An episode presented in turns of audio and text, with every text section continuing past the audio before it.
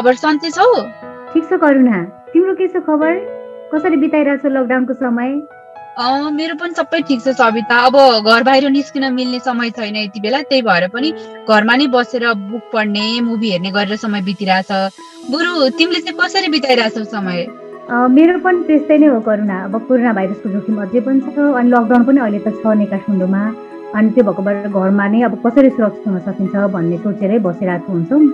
अनि त्यो बाहेक चाहिँ फिल्महरू हेर्ने किताबहरू पढ्ने अहिले चाहिँ किताबको तुलनामा फिल्म चाहिँ अलिक धेरै नै हेरिरहेको छु मैले। अनि त्यो सँगसँगै चाहिँ इन्टरनेटमा सोसियल मिडियामा विभिन्न सामग्रीहरू आइरहेको छ। त्यही हेरेर आफूलाई बिजी गराइरहेको छु गर्न त्यही त सविता अब यति बेला हामीले अटेर गरेर जोखिम मोलेर बाहिर जाँदा पनि हाम्रै स्वास्थ्यलाई बाधा पुग्छ कि? त्यही भएर पनि घरमा नै सुरक्षित हुनुको विकल्प छैन। तर अब हामी घरमा बस्दा पनि समय कसरी बिताउँछौँ? के कस्ता गतिविधिमा चाहिँ आफूलाई संलग्न गराउँछौँ भन्ने कुरा चाहिँ महत्त्वपूर्ण हुन्छ कि यति बेला? त्यो त एकदमै हो अब हेर न फेरि अब यति बेला हामी घरमा बसिरहेका छौँ। बाहिर घुम्न जाने रमाइलो गर्ने समय पनि छैन नि त। त्यही भएर अब घरमा नै बसेर इन्टरनेटको प्रयोग गर्ने सामाजिक सञ्जाल चलाउनेको सङ्ख्या चाहिँ एकदमै धेरै बढेको छ। अब हामी नै पनि हेर न कति धेरै युज गरिरहेको हुन्छौँ पहिलेको तुलनामा होइन त? हो नि सविता। अब W W dot data portal dot कममा उल्लेख गरिएको तथ्याङ्कलाई हेर्ने हो भने पनि सन् दुई हजार एक्काइसको जनवरीसम्ममा नेपालमा इन्टरनेट प्रयोगकर्ताको संख्या चाहिँ दस दशमलव सात आठ मिलियन छ कि। र सन् दुई हजार बिस र एक्काइसको बिचमा मात्रै पाँच सय सडसठी हजारले इन्टरनेट प्रयोगकर्ताको संख्या चाहिँ बढेको छ। त्यही त करुणा अब त्यही वेबसाइटमा उल्लेख भएको अर्को तथ्याङ्कले पनि अब सामाजिक सञ्जाल प्रयोगकर्ताको सङ्ख्या पनि उल्लेख गरेको छ कि। जस अनुसार चाहिँ अघिल्लो जनवरी अर्थात् दुई हजार एक्काइसको जनवरीसम्ममा नेपालमा सामाजिक सञ्जाल प्रयोगकर्ताको सङ्ख्या तेह्र मिलियन रहेको छ। र सन् दुई हजार बिस र एक्काइसको बिचमा मात्रै सामाजिक सञ्जाल प्रयोगकर्ताको सङ्ख्या तिन मिलियनले बढेको छ। त्यही त अब हेर न सविता यो तथ्याङ्कले पनि नेपालमा इन्टरनेटको सामाजिक सञ्जालको प्रयोग कसरी बढिरहेको छ भन्ने कुरा देखाउँछ। र अब प्रयोगकर्ताको सङ्ख्या बढ्नु भनेको चाहिँ इन्टरनेटको माध्यमबाट सामाजिक सञ्जालबाट हुने अपराध दुर्व्यवहार तथा जोखिम पनि बढ्नु उत्तिकै हो कि? त्यो चाहिँ एकदमै हो करुणा र यसको जोखिममा बालबालिका तथा किशोर किशोरहरू बढी हुन्छन् जस्तो लाग्छ कि मलाई। किनकि सामाजिक सञ्जालको माध्यमबाट हुने जोखिम अनि दुर्व्यवहारको बारेमा अझै पनि धेरैलाई थाहा छैन।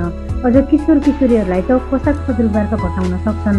आफू के कस्तो जोखिममा छु भन्ने पनि थाहा हुँदैन। यो कारणले गर्दाखेरि पनि उनीहरू अझै धेरै जोखिममा हुन्थे जस्तो लाग्छ। त्यो चाहिँ एकदमै हो सविता र सँगसँगै भनेको अभिभावकहरू एकदमै व्यस्त हुने अभिभावक आफैलाई पनि सामाजिक सञ्जालबाट हुने दुर्व्यवहारको बारेमा थाहा नहुने सामाजिक सञ्जाल चाहिँ कसरी प्रयोग गर्ने भन्ने बारेमा उहाँहरू आफै अनभिज्ञ हुँदा साथसाथै बालबालिका तथा किशोर किशोरीले चाहिँ आफू दुर्व्यवहारमा परेको कुरा एक त थाहा नपाउने र अर्को चाहिँ थाहा पाए पनि डर धम्कीले गर्दा भन्न नसक्ने हुँदा उनीहरू दुर्व्यवहारको जोखिममा झन् बढी हुन्छन्। पक्कै पनि हो करुणा। र सँगसँगै चाहिँ सामाजिक सञ्जाल कसरी प्रयोग गर्ने सामाजिक सञ्जालमा आफ्नो गोपनीयता कसरी कायम गर्ने कस्तो खालको पासवर्ड राख्ने अनि को को मान्छेसँग कुराकानी गर्ने भन्ने बारेमा बालबालिका तथा किशोर किशोरलाई सिकाइन्न। त्यो बाहेक भनेको चाहिँ इन्टरनेटको प्रयोग गर्दा कस्तो साइटहरू भिजिट गर्ने विभिन्न स्क्याममा विश्वास गर्ने नक्कली प्रयोगकर्ताको पहिचान गर्न नसक्दाखेरि उनीहरूले दुर्व्यवहार भोगिरहेका छन् कि? अब मेरै कुरा गर्ने हो भने घटना पहिलोपटक लकडाउन भएको थियो त्यो बेलामा मैले एकजना मान्छेलाई एड गरेँ कि फेसबुकमा त्यसमा चाहिँ एकदमै धेरै मेरो म्युचुअल फ्रेन्डहरू थियो कि त्यो पनि पहिला सँगै काम गरेको सँगै पढेको साथीहरू एकदम जेन्युन जेन्युन साथीहरू चाहिँ म्युचुअल फ्रेन्ड थियो। अनि मैले उसलाई एड गरेँ ऊ चाहिँ सिन्धुपाल्चोको एउटा कुनै प्रोजेक्टमा कृषिसँग रिलेटेड प्रोजेक्टमा काम गर्ने भनेर उसको प्रोफाइल थियो कि। एक दिन उसको मेसेज आयो भिडियो कलमा कुरा गरौँ भनेर। अनि मैले चाहिँ के भने टेक्स्टमै कुरा गरौँ भने कि उसलाई। अनि त्यस पछाडि होइन भिडियो कलमा कुरा गरौँ प्लिज एकचोटि एकचोटि भनेर भनि नै राखेको थियो अनि मैले चाहिँ इग्नोर गरिरहेको थिएँ। अनि उसले एक दिन चाहिँ सिधै भिडियो कल गर्यो होइन? म अलिक घरमा बसिरहेको थिएँ। हामी सबैजना थियौँ घरमा। ल यसले के गर्दो रहेछ त भनेर क्यामेरा चाहिँ क्यामेरामा यो औँला राखेर बन्द गरेर उसको भिडियो कल चाहिँ रिसिभ गऱ्यौँ कि हामी सबैजना घरमा बसेर। अनि ऊ चाहिँ नाङ्गै केही गर्दै थियो कि? अनि त्यस पछाडि मैले त्यो मान्छेलाई तुरन्त ब्लक गरेँ। अनि जो जो मेरो मित्र फ्रेन्डहरू थियो उनीहरूलाई चाहिँ फलाना फलाना मान्छे चाहिँ यस्तो यस्तो रहेछ। ऊ चाहिँ फेक रहेछ भनेर चाहिँ मैले उनीहरूलाई पनि भने त्यो मान्छे चाहिँ विदेशी मान्छे थियो कि नेपालको मान्छे थिएन। हामी आफै जानेको मान्छेहरूसित त्यसरी चाहिँ हामी शिकार बनिरहेको हुन्छौँ कि त्यसरी चाहिँ हामी दुर्व्यवहारमा परि नै रहेको हुन्छौँ करुणा। त्यही त भनेको सविता अब सामाजिक सञ्जाल कसरी प्रयोग गर्ने भनेर थाहा हुने मान्छेले चाहिँ यसरी दुर्व्यवहार भोगिरहेका छन् भने बालबालिका किशोर किशोरी त झन् साइबर बुलिङ साइबर अपराधको शिकारमा बढी पर्छन्। त्यही भएर पनि आफ्ना बालबालिकाहरूले आफ्ना छोराछोरीहरूले सामाजिक सञ्जाल कसरी प्रयोग गरिरहेका छन् भनेर अभिभावक चनाको हुन र सामाजिक सञ्जालको प्रयोगबारे उनीहरूलाई सही जानकारी दिन चाहिँ उत्तिकै आवश्यक छ। तिमीले भनेको कुरा एकदमै ठिक हो करुणा। बरु इन्टरनेटको प्रयोग कसरी गर्ने? अझ लकडाउनको समयमा चाहिँ सामाजिक सञ्जालबाट बालबालिकाले भोगिरहेको दुर्व्यवहारका घटनाहरू के कस्ता छन् होइन? त्यस्ता कसरी त्यस्ता दुर्व्यवहारमा कमी आउन सक्छ भनेर चाइल्ड सेफ नेटका अध्यक्ष अनिल रघुवंशीसँग गरिएको कुराकानी नै सुनौ न त। लकडाउनको बेला पनि अरू बेला जस्तै नै दुर्व्यवहारका कुराहरू भइरहेका छन्। जस्तै अब यो लकडाउनको बेलामा गलत सूचना अथवा मिसइन्फर्मेसनको कुराहरू झुठा समाचार अथवा फेक न्युज भनिने त्यस्ता खालका चाहिँ नि यो कोभिडसँग सम्बन्धित कुराहरूलाई लिएर भयो उपचारको लागि लिएर भयो अथवा चाहिँ नि अरूलाई गाली गर्ने अथवा बेजती गर्ने नभएको कुराहरू राखेर अरूलाई सामाजिक सञ्जालमा त्यो बारे पोस्ट गर्ने त्यस्ता कुराहरू पनि धेरै भइरहेको हामीले पाएका छौँ। साथै अब पहिले जस्तै अब यो चाहिँ नि यो अनलाइन यौन शोषणका कुराहरूमा पनि धेरै कुराहरू बढिरहेको जस्तो छ अहिले। पहिले अब यो हामीले गरेको सर्वेक्षणमा पहिलो लकडाउनको बेला चारजना मध्ये एकजना बालबालिका तथा युवाले एक दिनमा दस घन्टाभन्दा बढी इन्टरनेट चलाउने गरेको पाइएको थियो। त्यो हुँदाखेरि अब सामाजिक सञ्जाल नै बढी चलाउने भयो। त्यसमा पनि अझ अहिले बढी आएर चाहिँ नि यो भिडियो च्याटहरू अनलाइन चाहिँ लाइभ भिडियो चाहिँ यो स्ट्रिमिङको कुराहरू भएको हुनाले भिडियोको बाट चाहिँ धेरै नै दुर्व्यवहारहरू भइरहेको हामीले पाएका छौँ। र साथै अर्को चाहिँ नि साइबर बुलिङ। यो चाहिँ नि अरूलाई अनलाइनमा नाम र अरूको बेजती गर्ने कुराहरू राखेर अरूलाई गाली गर्ने साइबर बुलिङका कुराहरू हेड स्पिचको कुराहरू एकदमै अरूलाई घृणा गर्ने खालका चाहिँ नि यो चाहिँ मेसेजहरू पठाउने त्यो कुराहरू बढेको छ। र केही मात्रामा यो चाहिँ नि अरूको गोप्य सूचना र आपत्तिजनक त्यस्तो चाहिँ फोटो भिडियो बिगारेर त्यसलाई चाहिँ नि अब कम्प्युटरमा चाहिँ नि अरूको टाउको जिउहरूसँग जोडेर राखेर ब्ल्याकमेलिङ गर्ने अथवा साँच्चै भएको फोटोहरू पनि सहमतिमा खिचेका बनाएको फोटो भिडियोहरूलाई ब्ल्याकमेलिङको लागि प्रयोग गर्ने पनि पाएको छ र चिट्ठा पर्यो अथवा चाहिँ नि फोनको उपहार यस्तो जस्तो कुराहरू गरेर यो फेसिङ एउटा ठगी गर्ने अरूको सूचनाको चोरी गर्ने ती कुराहरू पनि यो लकडाउनको बेला धेरै नै भइरहेको पाएको छ हामीले। हजुर के कस्तो कारणले गर्दा चाहिँ बालबालिका तथा किशोर किशोरीहरू यो लकडाउनको समयमा अनलाइनबाट हुने दुर्व्यवहारमा चाहिँ पर्छन्? कुन उमेर समूह चाहिँ बढी प्रभावित छ? मुख्य कुरा के भन्दाखेरि अनलाइनमा कसरी सुरक्षित हुने कस्ता मान्छेहरू भेटिन सक्छन् भन्ने कुराको जानकारी नभएर नै हो। र अनि जोसँग पनि साथी बन्ने अनलाइनमा अब धेरै साथी भइसकेपछि धेरै लाइक हुन्छ। सेलिब्रिटी मान्छेहरूको चाहिँ नि हजारौँ लाखौँ चाहिँ नि फ्यानहरू भएको जस्तै उहाँहरूको धेरै लाइक आएर आफूलाई पनि केही गर्न मन लाग्ने भएको हुँदाखेरि धेरै नचिन्नेसँग पनि फ्रेन्ड रिक्वेस्ट पठाउने र त्यसमा राम्रा मान्छे पनि हुनसक्छ नराम्रा पनि हुनसक्छन् र दुर्व्यवहारमा पार्ने खालको कामहरू त्यहाँबाट भइरहेको हुनसक्छ। अनि नचिनेको अथवा अलिअलि चिनेको मान्छेलाई एउटा चाहिँ नि पब्लिकली सबैलाई चाहिँ आफ्नो गोप्य सूचनाहरू फोन नम्बर आफ्नो इमेल ठेगाना पासपोर्ट समेत पनि कति त्यो चाहिँ अरूलाई सेयर गर्ने भएको हुँदाखेरि अनलाइनमा कसरी सुरक्षित भन्ने कुराहरू र के गर्नुपर्छ भन्ने कुरा थाहा नपाएर नै जोखिममा पर्ने गरेका छन् बालबालिका र युवाहरू। र यसमा उमेरको कुरा गर्दाखेरि चाहिँ नि अहिले अब धेरै साना बालबालिकाले पनि इन्टरनेट चलाउने भएको तर साथी बनाएर त्यसरी गर्नेमा चाहिँ धेरै हामीले बाह्र तेह्र वर्षदेखि लिएर चौबिस वर्षसम्मकोमा जोखिममा परेको पाएका छौँ। पहिले अब यो किशोरीहरू मात्रै पर्ने भन्ने थियो। त्यसमा चाहिँ नि किशोरहरू पनि धेरै नै पाएको पाएको छ उहाँहरूको पनि त्यस्तो केसहरू आइरहेछ हजुर जस्तै अब उनीहरूले यो सामाजिक सञ्जालबाट इन्टरनेटको माध्यमबाट भोगिरहेका दुर्व्यवहारले चाहिँ उनीहरूमा के कस्तो खालको समस्याहरू देखिएको छ? पहिलो कुरा त धेरै नै यसरी चलाउँदाखेरि मान्छेहरूलाई कोसँग चाहिँ नि विश्वास गर्ने कोसँग नगर्ने भन्ने कुरा नै थाहा नहुने र अनि विश्वास गरेको मान्छेले आफूले धोका दिँदाखेरि सबैसँग विश्वास गर्न नसकिने हो कि भन्ने एउटा चाहिँ नि सामाजिक रूपमा त्यस्तो खालको असर परेको हुनसक्छ।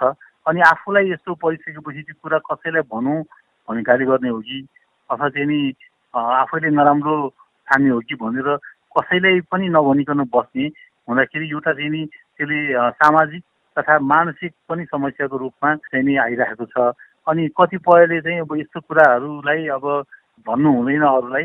यस्तो कुराहरू सामान्य नै हो कि जस्तो पनि लिएर कतिपयले आफूलाई परेको अरूले चाहिँ अरूलाई पनि त्यस्तो खालको व्यवहार यस्तै हो भनेर गर्ने अरूलाई पनि पीडा दिने खालको पनि आइरहेछ। अनि अब शिक्षाको लागि पनि यसले धेरै असर पारेकै छ। पढाइमा ध्यान दिन सक्ने भन्ने कुरामा त्यसले असर पारेको हुन्छ। अर्को चाहिँ यो इन्टरनेटमा धेरै समय यस्तै अब सामाजिक सञ्जाल र यस्तै कुरामा समय बिताउनु पर्दाखेरि पढाइमा पनि असर त पर्ने नै भयो। त्यस्तै अब अब यो धेरै अब सामाजिक सञ्जालहरू चलाएर इन्टरनेट चलाएर बस्दाखेरि शारीरिक कामहरू कम हुने भएको हुँदाखेरि शारीरिक रूपमा पनि यसको असर चाहिँ पर्न सक्छ। अब यसमा मानसिक रूपको कुराहरू चाहिँ अलि धेरै नै बाहिर नआउने भएकोले कति गहिरोमा छ कस्तो छ भन्ने चाहिँ बाहिर त्यति जानकारीमा आउँदैन। तर हामीसँग आएका केही यस्ता चाहिँ नि रिपोर्टहरूको अनुसार कतिपयले यो आत्महत्यासम्म गर्ने विचार गरेको र गरेका पनि कुराहरू केही समाचारमा पनि आएको थियो त्यो भएर यो सामाजिक शैक्षिकका साथै मानसिक रूपमा पनि यसले धेरै नै असर पारेको पाएको छौँ हामीले।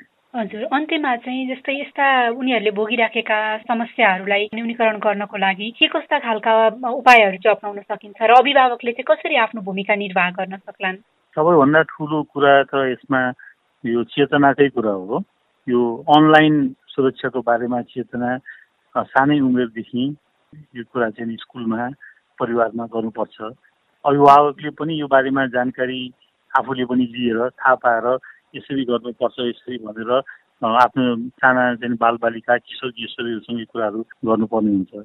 अनि आफैलाई पढिसकेपछि चाहिँ अब बालबालिका अथवा चाहिँ किशोर किशोरीले एकदमै विश्वासिलो घरको सदस्यहरूलाई अथवा चाहिँ एकदमै मिल्ने साथीलाई भनेर त्यसमा के गर्नुपर्छ भन्ने कुरामा अगाडि बढाउनुपर्छ आफैले मात्रै त्यसलाई चाहिँ सोचेर बस्ने हुँदैन। अनि अर्को अभिभावकले पनि हामी कहाँ यो कसैलाई यस्तो पर्यो भने छोराछोरीलाई अथवा चाहिँ घरको चाहिँ नि अरू बालबालिका अथवा अरू को छ उहाँहरूले चाहिँ नि गाली गर्ने पिट्ने त्यस्तो गर्नुहुन्छ के गर्नु हुँदैन। कुरा राम्ररी सुन्नुपर्छ। अनि उहाँहरूले चाहिँ आफूले चाहिँ नि एकदम जज नगर्ने र सहयोगीको रूपमा एउटा कुरा सुनेर कसरी चाहिँ नि सहयोग पुर्याउने भन्ने कुराहरू गर्नुपर्छ।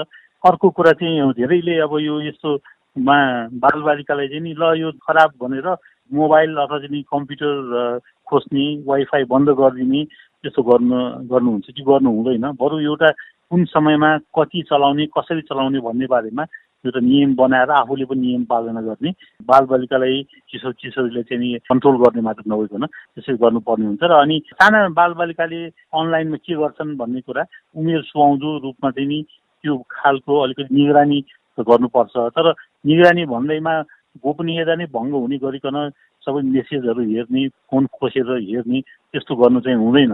किन भन्दाखेरि अब यो बालबालिकाहरूको पनि एउटा उमेर अनुसार चाहिँ यस्ता आफ्नो प्राइभेसीको कुराहरू हुन्छन् त्यसलाई पनि विचार गर्नुपर्छ यो उनीहरूको एउटा अधिकार नै हो भनेर। र यसमा साथै सरकारको सामाजिक सङ्घ संस्थाहरूको स्कुलको पनि भूमिका हुन्छ। लकडाउनको समयमा सामाजिक सञ्जाल मार्फत बालबालिकामा भइरहेको अनलाइन दुर्व्यवहार र जोखिमका बारेमा जानकारी गराइदिनु भएकोमा चाइल्ड सेफ नेटका अध्यक्ष अनिल रघुवंशीलाई धेरै धेरै धन्यवाद। उहाँले भन्नुभयो जस्तै लकडाउनको समयमा हामीले हाम्रा बालबालिका घरमा नै बसिरहेका छन् घरभित्र सुरक्षित छन् भनेर ढुक्काउने अवस्था छैन। होला घरभित्रै बस्दाखेरि कोभिडको जोखिमबाट त सुरक्षित हुन्छन् होला होइन? तर घरमा नै बसेर इन्टरनेटको प्रयोग सामाजिक सञ्जालको प्रयोग गरिरहँदा उनीहरूले विभिन्न किसिमको दुर्व्यवहार भोगिरहेका हुन सक्छन् या भोगिरहेका हुन्छन्। र त्यस्ता दुर्व्यवहारले उनीहरूलाई शारीरिक मानसिक र भावनात्मक रूपमा चाहिँ कमजोर पनि बनाइरहेको हुन्छ। हो नि त्यही भएर पनि सामाजिक सञ्जालको प्रयोग गर्ने भाइ बहिनीले सुरक्षित तरिकाले सामाजिक सञ्जालको प्रयोग गर्नुहोला। नचिनेको मान्छेसँग कुरा गर्ने आफ्नो पासवर्ड चाहिँ अरूलाई दिने गलत साइटहरूको भिजिट गर्ने चाहिँ नगर्नुहोला। र कसैले तपाईँलाई सामाजिक सञ्जालको माध्यमबाट दुर्व्यवहार गरिराखेको छ केही कुरा भनेर डर देखाउने धम्की दिने गरिराखेको छ भने आफ्नो बुबा आमालाई परिवारको सदस्यलाई वा नजिकको प्रहरी कार्यालयमा चाहिँ तुरन्त जानकारी गराउनुहोला। र सँगसँगै चाहिँ उहाँहरूको अभिभावक भन्नाले बालबालिकाको अभिभावकले पनि आफ्ना बालबालिकाले कसरी सामाजिक सञ्जालको प्रयोग गरेका छन् सोधखोज गर्ने उनीहरू दुर्व्यवहारमा परेका छन् कि छैनन् छन् भन्ने पनि दुर्व्यवहार विरुद्ध तत्काल कदम चाल्ने बालबालिकालाई शारीरिक मानस भावनात्मक रूपमा बलियो बनाइराख्न सहयोग पुर्याउनु होला भन्दै आजको लागि पडकास्ट सिरिज गुलाबी सम्वाद अर्टिनेस्टको अठाइसौँ श्रृङ्खलाबाट विदा माग्ने बेला भइसकेको छ। निषेधाज्ञाको समयमा घरभित्र नै बसेर सामाजिक सञ्जाल इन्टरनेटको प्रयोग गरिरहँदा अनलाइन मार्फत हुने दुर्व्यवहार र त्यस्ता दुर्व्यवहारले पार्ने विभिन्न असरहरूको बारेमा आज हामीले कार्यक्रममा गरेको छलफल तपाईँलाई कस्तो लाग्यो? आफूलाई लागेका कुरा हामीलाई इमेल मार्फत पठाउन चाहनुहुन्छ भने हाम्रो इमेल ठेगाना रहेको छ Gulabi Sambad at Gmail dot com G U L A B I S M B A D Gulabi Sambad at Gmail dot कममा इमेल मार्फत पठाउन सक्नुहुनेछ। अथवा हाम्रो Facebook page W W W dot Facebook dot com slash Gulabi Sambad Instagram handle Gulabi Sambad Twitter handle Gulabi Sambad यसै गरी टिकटकमा पनि गुलाबी सम्वाद र युट्युब मार्फत पनि गुलाबी सम्वाद एकाउन्ट मार्फत हामी कनेक्ट हुन सक्छौँ। त्यस्तै गुलाबी सम्वाद अटिनेसहरूले उठाउने विषयवस्तु अथवा यौन तथा प्रजनन स्वास्थ्य र अधिकारसँग सम्बन्धित सामग्री चाहिँ हाम्रो website W W W dot Gulabi Sambad dot com र हाम्रो ब्लग ठेगाना W W W dot Gulabi Sambad dot blog dot कममा प्रकाशित छन्। ती सामग्री पनि तपाईँले पढ्न सक्नुहुन्छ। र तपाईँको पनि त्यस्तै खालको अनुभव छन् भने चाहिँ हामीलाई लेखेर अथवा रेकर्ड गरेर हाम्रा विभिन्न ठेगानामा पठाउन सक्नुहुन्छ। त्यस्तै तपाईँले हाम्रो यस पडकास्ट सिरिज गुलाबी सम्वाद अटिनेस घग एङ्कर डट एफएममा गएर गुलाबी सम्वाद टिकटक सर्च गरेर सुन्न सक्नुहुनेछ। त्यो बाहेक देशभरिका विभिन्न अठाइसवटा रेडियो स्टेसनबाट हप्तैभरि विभिन्न समयमा हाम्रो कार्यक्रम प्रसारण हुन्छ। तपाईँले अहिले कुन रेडियो वा अनलाइन प्लेटफर्म मार्फत हामीलाई सुन्दै हुनुहुन्छ भनेर जानकारी गराउन पनि नभुल्नुहोला भन्दै आजको लागि पडकास्ट सिरिज गुलाबी सम्वाद अटी नेस्टकको अठाइसौँ श्रृङ्खलाबाट सविता र करुणा विदा माग्छौ। नमस्ते। अर्को श्रृङ्खलामा पुनः भेट्नेछौँ।